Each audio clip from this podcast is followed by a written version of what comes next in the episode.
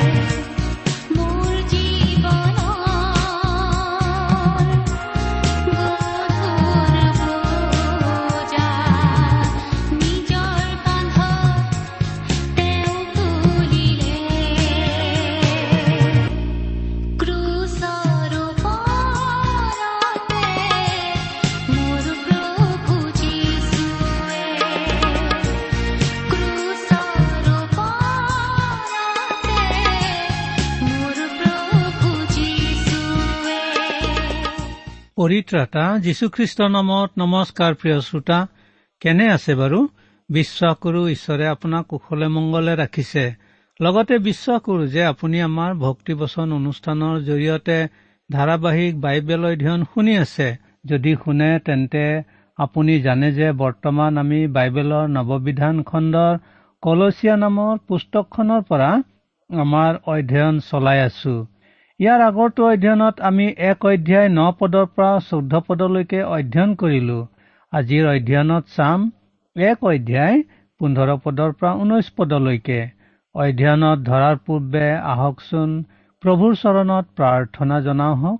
মোৰ লগতে আপুনিও যেন প্ৰাৰ্থনা কৰে। প্ৰাৰ্থনা কৰো হে মোৰ পৰম পবিত্ৰ পিতা ঈশ্বৰ আপোনাৰ পবিত্ৰ আৰু মহান নামৰ আমি ধন্যবাদ আৰু স্তুতি কৰো।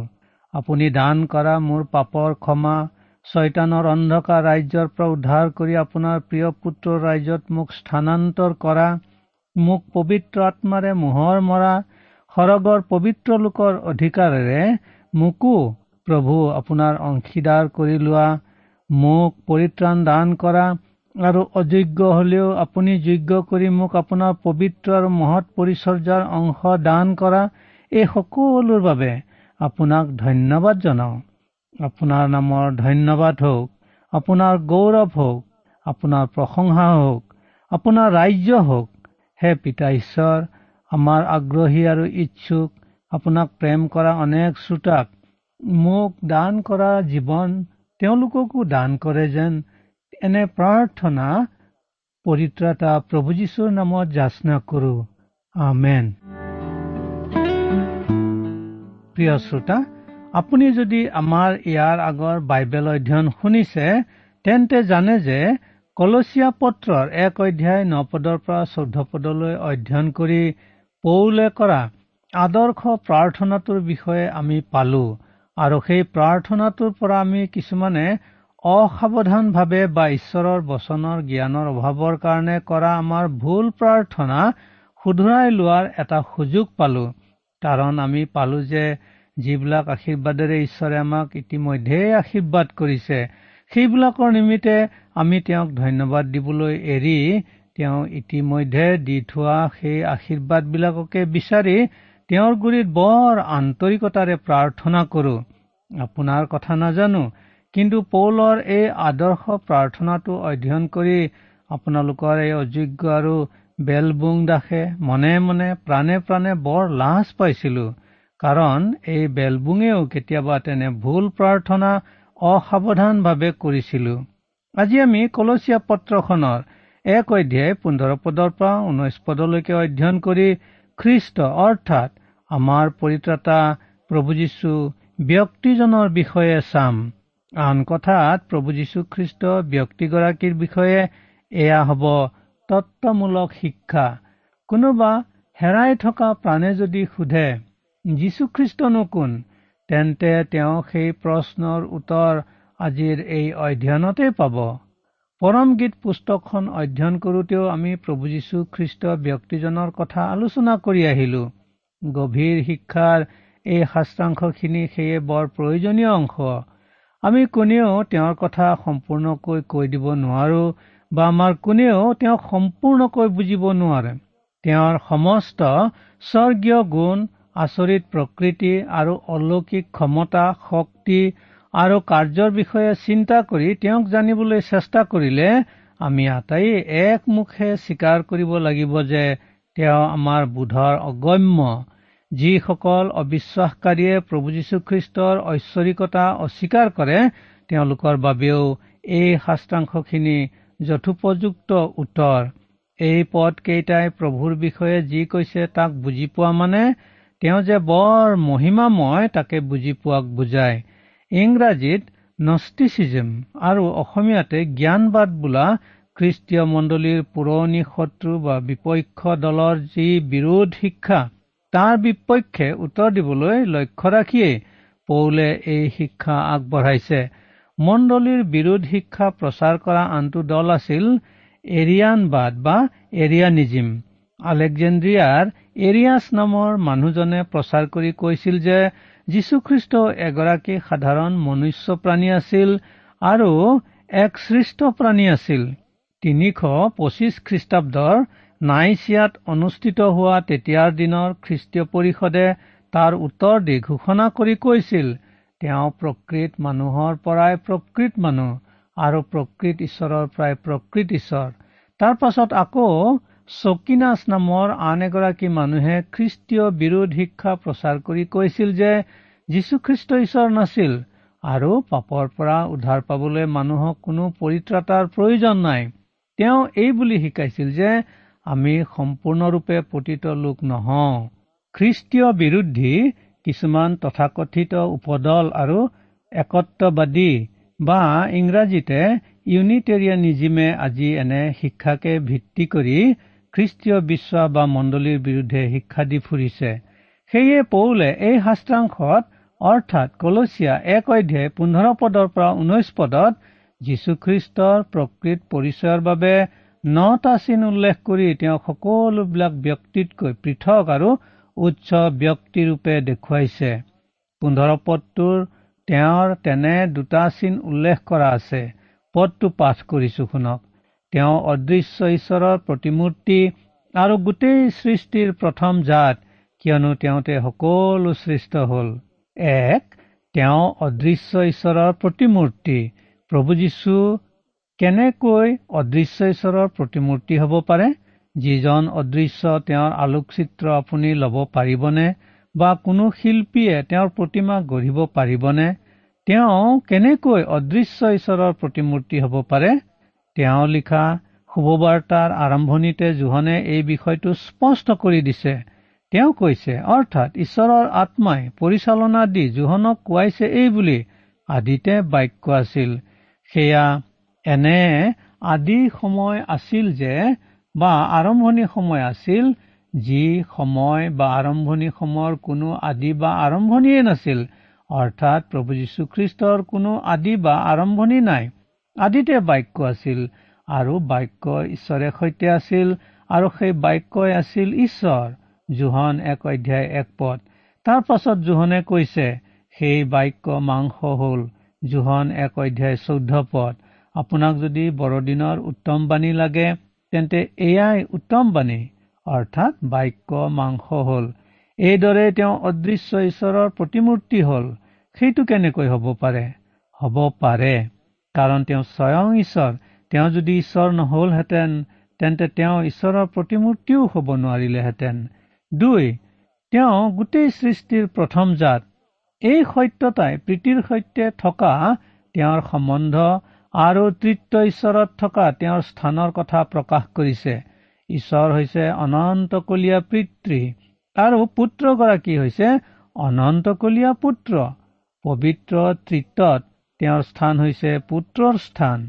প্ৰথম জাত শব্দটোৱে সকলো সৃষ্টিৰ পূৰ্বে থকা তেওঁৰ স্থিতিক বুজাইছে। সকলো সৃষ্টিৰ পূৰ্বে থকা তেওঁৰ স্থিতিয়ে এইটোক নুবুজাই যে তেওঁৰ জন্ম সৰ্বপ্ৰথমতে হৈছিল। প্ৰথম জাত বুলি কৈ বাইবেলে কি বুজাবলৈ খুজিছে সেইটো আমি বুজি লোৱাটো ভাল। বাইবেলৰ কতো ভুলতেও কোৱা নাই যে প্ৰভু যীশুখ্ৰীষ্টৰ আৰম্ভণি বেটলেহেমত আৰম্ভ হৈছিল। মিশা ভাওবাদীৰ এক মহৎ ভাওবাণীত কোৱা হৈছিল যে প্ৰভু যীশুৰ বেটলেহেমতে জন্ম হ'ব কিন্তু পূৰ্বকালৰ পৰা অনাদিকালৰে পৰা তেওঁৰ উৎপত্তি মিশা পাঁচ অধ্যায় দুই পদ। যিচয়া ন অধ্যায় ছয় পদত আমাক এইদৰে কোৱা হৈছে আমালৈ এটি ল'ৰা জন্মিল আমাক এটি পুত্ৰ দান কৰা হল। কি কৈছে কান্দি শুনকচোন এটি ল'ৰা জন্মিল কিন্তু এটি পুত্ৰ দান কৰা হল। তেওঁ অনাদি অনন্ত কালৰ পৰা ওলাই আহি মানৱ ৰূপ ধাৰণ কৰিছিল। পৌলে আচলতে তেওঁৰ দিনৰ এটা দৰ্শন তত্ব এটা ৰহস্যপুষ্ট ধৰ্মত ধৰি এই আলোচনা কৰিছে।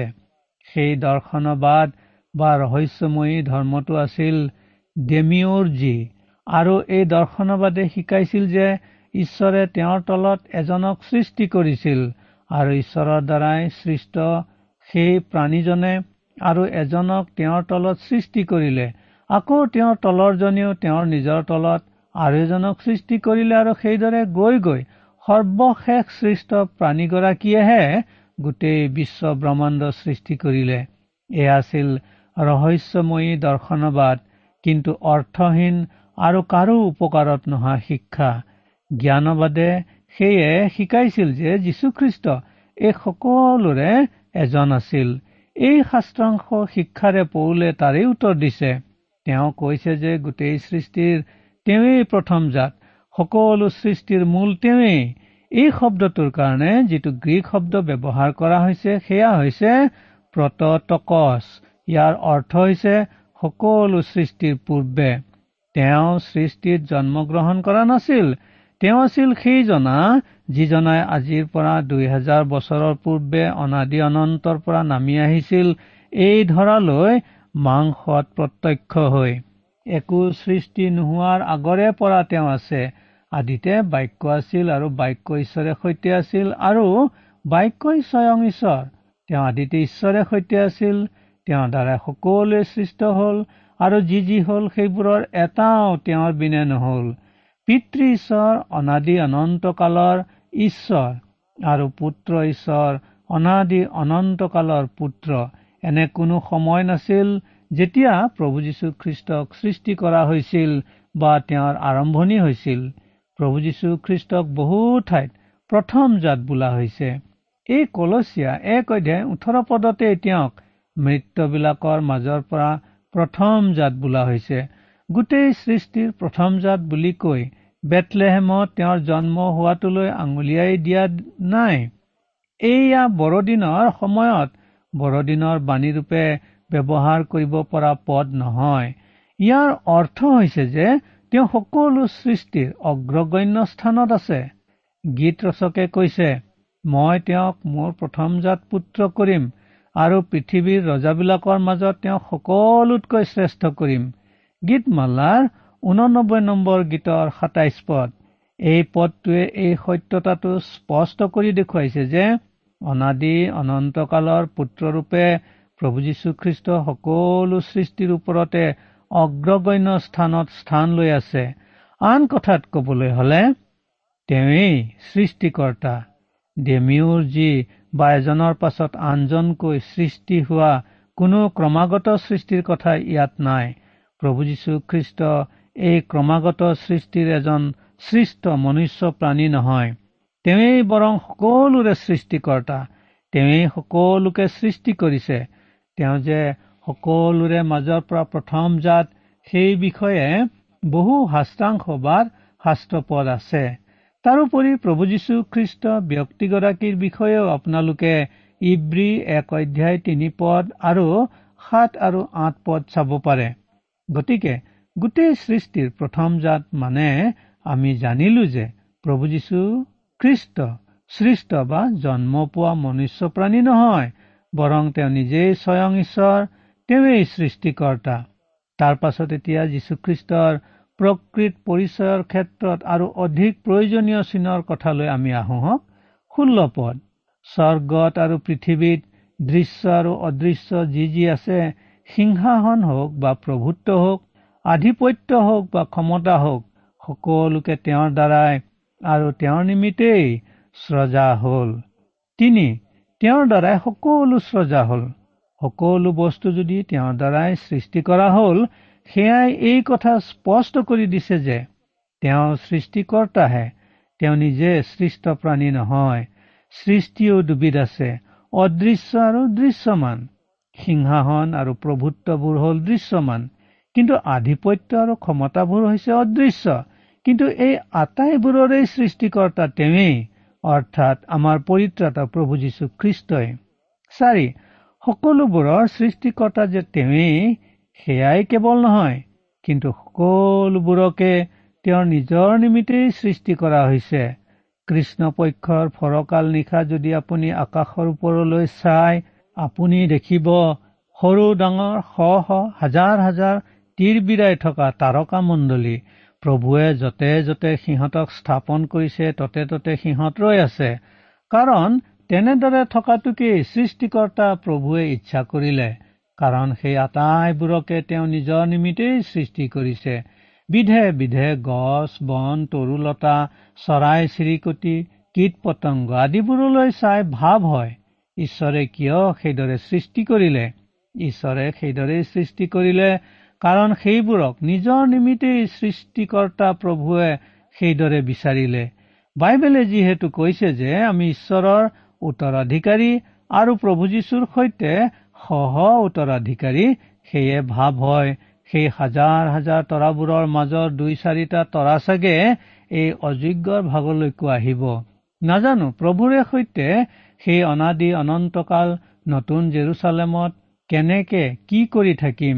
কিন্তু জানো যে বৰ অভিনৱ আৰু বৰ্ণনাতীত সুশান্তিত থাকিম।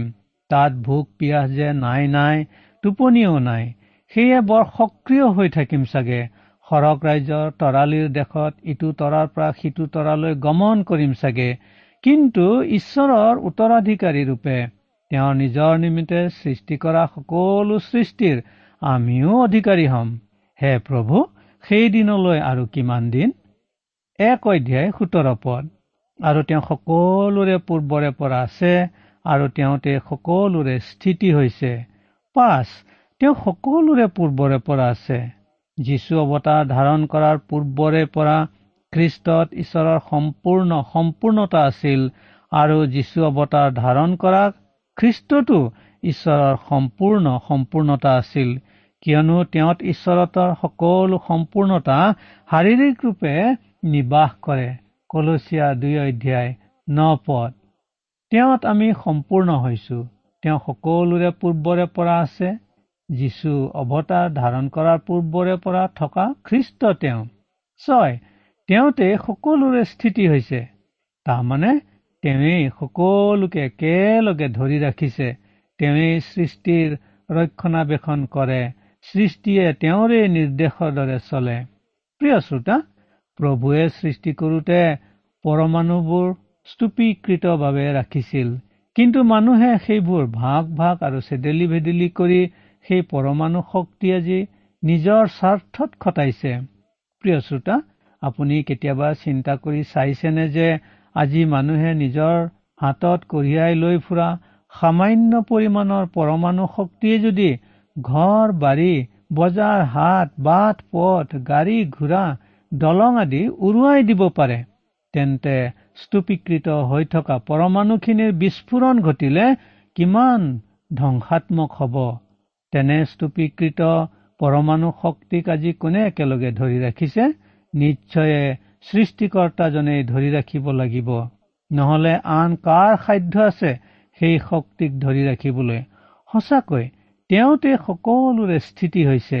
সেয়ে ইব্ৰিয় লোকসকললৈ চিঠি লিখোতে লিখকগৰাকীয়ে ঈশ্বৰৰ আত্মাৰ দ্বাৰাই পৰিচালিত হৈ কৈছে সেই পুত্ৰ ঈশ্বৰৰ প্ৰতাপৰ প্ৰতিবিম্ব তত্বৰ চাপ আৰু নিজ পৰাক্ৰমৰ বাক্যৰ দ্বাৰাই সকলোৰে ধাৰণকৰ্তা হৈ পাপৰ মোচন কৰি ঊৰ্ধ লোকত মহামহিমৰ সোঁহাতে বহিল। ইব্ৰী এক অধ্যায় তিনি পদ। তেওঁ অতি চমৎকাৰ ব্যক্তি নহয়নে? তেওঁ বৰ মহিমাময় ব্যক্তি। এক অধ্যায় ওঠৰ পদ। আৰু শৰীৰ ৰূপ যি মণ্ডলী তেওঁৱেই সেই মণ্ডলীৰ মুৰব্বী। সকলো বিষয়তে যেন অগ্ৰগণ্য হয় এইকাৰণে তেওঁ আদি আৰু মৃত লোকৰ মাজৰ পৰা প্ৰথম জাত। সাত শৰীৰ ৰূপ যি মণ্ডলী তেওঁৱেই সেই মণ্ডলীৰ মুৰব্বী। মই ভাবো যে পৌলে কলচী মণ্ডলীত থকা বিশ্বাসকাৰীসকললৈ চিঠি লিখাৰ এইটোৱে মূল লক্ষ্য। কলচীয়া পত্ৰখন ইফিচিয়া আৰু ফিলিপিয়া পত্ৰৰ সহযোগী পত্ৰ বুলিব পাৰি।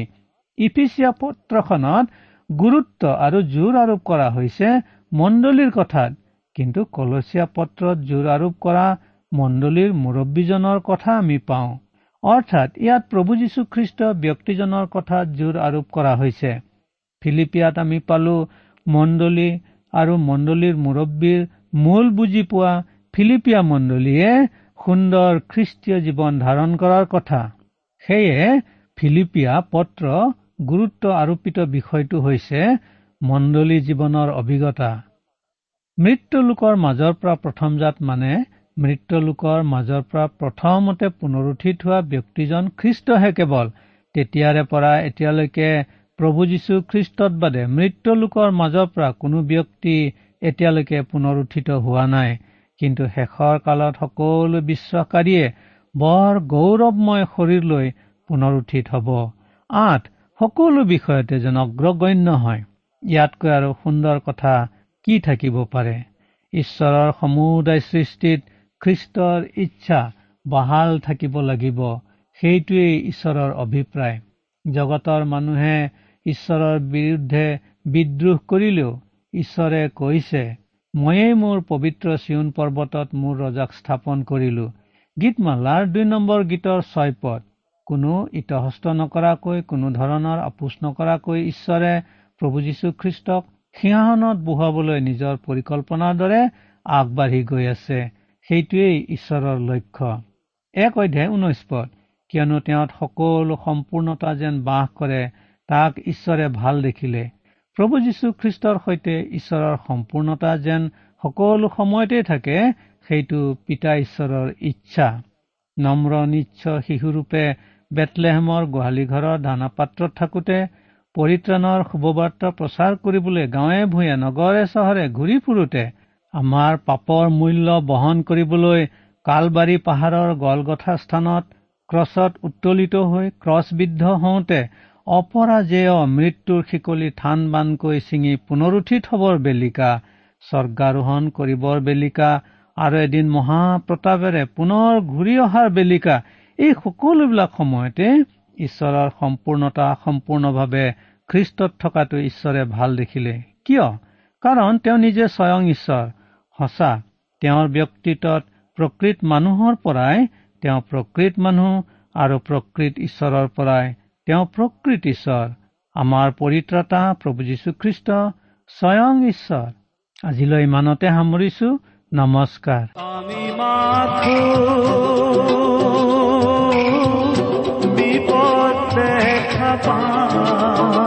ইমান পৰে আপুনি ঈশ্বৰৰ বাক্যৰ পৰা শিক্ষা শুনিলে। এই বিষয়ে আপোনাৰ মতামত জানিবলৈ পালে আমি নথৈ আনন্দিত হ'ম।